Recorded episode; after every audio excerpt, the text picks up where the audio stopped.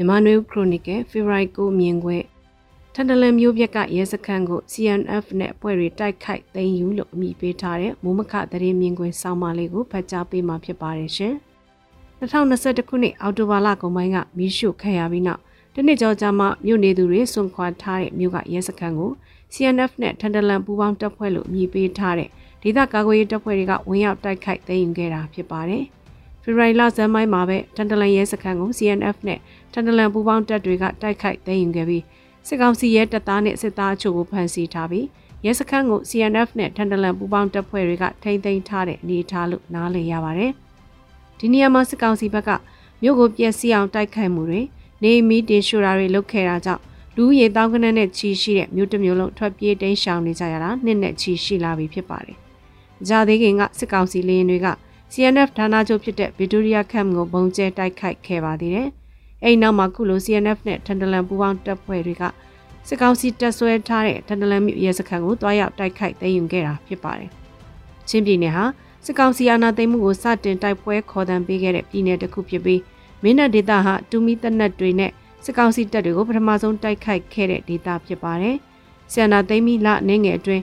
ချင်းပြည်နယ်တောင်ပိုင်းမှာစစ်ကောင်စီတပ်တွေမမျောလင့်ထားတဲ့တိုက်ခိုက်မှုခုခံမှုကိုကြုံတွေ့ခဲ့ကြတာဖြစ်ပါတယ်။နေမြေနေထားရမြင်မာတဲ့တောင်တွေကားလန်းတစ်ခုတည်းကသာအားကိုးရတဲ့ဆက်သွယ်ရေးပို့ဆောင်ရေးအခြေအနေတွေကစစ်ကောင်စီတပ်တွေဖို့ကာကွယ်မဲ့ဖြစ်စေပြီးဒေသခံကာကွယ်ရေးတပ်ဖွဲ့တွေအတွက်အားသာချက်ဖြစ်အသုံးချကစစ်ကောင်စီတပ်တွေရဲ့ရင်နှန်းတွေကိုထိထိရောက်ဒုက္ခပေးတိုက်ခိုက်ခဲ့ကြတာဖြစ်ပါတယ်။2021ခုနှစ်အောက်တိုဘာလမှာတော့တန်လန်မြို့မှာတိုက်ပွဲအချို့ဖြစ်ပွားပြီးတဲ့နောက် မြို့ကိုတစ်ချိန်မကမီတင်ရှို့ခဲ့ရကလူရေတထောင်ကျော်နေထိုင်တဲ့တန်လန်မြို့တစ်မြို့လုံးပျက်စီးခဲ့ရတဲ့အခြေအနေလည်းဖြစ်ပါတယ်။အဲ့ဒီဖြစ်ရဖြစ်ပွားပြီးတစ်နှစ်ကျော်ကြာလာတဲ့နောက်မြို့နေသူတွေစွန့်ခွာသွားတဲ့တန်လန်မြို့ကိုစစ်ကောင်စီတပ်တွေကတောက်လျှောက်ထိန်းချုပ်ထားတာဖြစ်ပါတယ်။တန်တလန်ဟာချင်းပြည်နယ်ရဲ့တမိုင်းမှာဒဏ်ရာကြီးတစ်ခုဖြစ်စစ်ကောင်စီရဲ့ဖျက်ဆီးမှုပြရုပ်တစ်ခုဖြစ်ကျန်းရင်နေမဲ့သဘောလည်းဖြစ်ပါတယ်။ဒီနေ့ဖို့အခြားသတင်းတစ်ပုဒ်ကတော့တော်လိုင်းအင်အားစုတွေကိုဆက်လက်ကူညီမယ်လို့တိုင်းသားလက်နက်ကိုင်အဖွဲ့သုံးဖွဲ့ဖြစ်တဲ့ AA, TNLA, MNDAA တို့ကပြောဆိုလိုက်တဲ့သတင်းဖြစ်ပါတယ်။ရခိုင်တိုင်းသားလက်နက်ကိုင်အဖွဲ့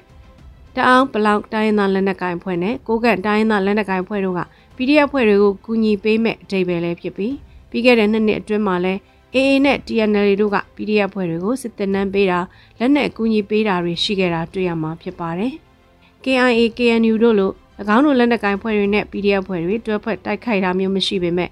စကိုင်းတိုင်းမကွေးတိုင်းမြောက်ပိုင်းနဲ့ချင်းပြည်နယ်တို့မှာရှိတဲ့ပြည်သူ့ကာကွယ်ရေးတပ်ဖွဲ့တွေကိုကူညီပေးခဲ့တာတွေရှိခဲ့တာဖြစ်ပါတယ်။မြန်မာနိုင်ငံမှာဆီယနာရှင်ပြုတ်ကြရေးဖယ်ရှားရင်မှာတိုင်းသားလက်နက်ကိုင်တပ်ဖွဲ့တွေရဲ့အကူအညီကရေးပါပါတယ်။တနည်းအားဖြင့်ဆီယနာရှင်စန့်ကျင်တဲ့အင်အားစုတွေရဲ့စူးစီးမှုအင်အားပေါင်းစည်းမှုကတိုက်ပွဲရဲ့အဆုံးဖြတ်ကိုအများကြီးတက်ရောက်စေနိုင်တာလည်းဖြစ်ပါတယ်။နောက်ထူးခြားသတင်းတစ်ပုဒ်ကတော့စစ်ကောင်စီရဲ့တန်မတ်ဦးတင်ယူကို RS စော်ပွားများနိုင်ငံ UAE ကလက်ခံလိုက်တဲ့အကြောင်း နေပြည်တော်က9ရက်နေ့နေစွဲနဲ့ထုတ်ပြန်တာဖြစ်ပါတယ်။6ရက်နေ့မှာ UAE မြို့တော်မှာဒုသမရလက်ထဲကိုမြန်မာတန်မတ်ကပေးအပ်ခဲ့တယ်လို့ဆိုပါတယ်။နောက်ွယ်သတင်းများအဆိုကတော့အာရှမှာငွေကြေးနဲ့ယင်းနှမြုံနယ်မှုတွေအခက်အခဲကြုံနေရလို့ရှေ့လဲပိုင်းနိုင်ငံတွေမှာတွားရောက်ရွှေ့ပြောင်းအနံဖို့စစ်ကောင်စီအတိုင်းအဝိုင်းကပြင်ဆင်နေတယ်လို့ဆိုကြပါတယ်။စစ်ကောင်စီလက်ထက်တန်တမန်လုပ်ငန်းတွေချဲ့ထွင်တဲ့သတင်းပုတ်လည်းဖြစ်နေပါတယ်။ရေဒီယို NUG ကတော့စစ်ကောင်စီရဲ့ခြေလှမ်းကိုအခုလိုသတင်းရေးသားထားပါတယ်။ စင်ကာပူနဲ့ထိုင်းတို့မှတက်နဲ့ပတ်သက်တဲ့စီးပွားရေးများဗန်အကောင့်များပိတ်ဆို့လာမှုကြောင့်စစ်ကောင်စီမှရွေးနိုင်ငံကို၎င်းတို့ပိုင်ဆိုင်မှုများရွှေ့ပြောင်းနိုင်ရန်ညမကြာမီကပူးတွဲတမ်းမှတ်ဖြစ်ခန့်အပ်ခဲ့တဲ့ Sorry တမ်းမကြီးဦးတင်ယူနဲ့တန်ဖွဲ့ဝင်များကိုတိတ်တဆိတ်ဆဲလွတ်ခါ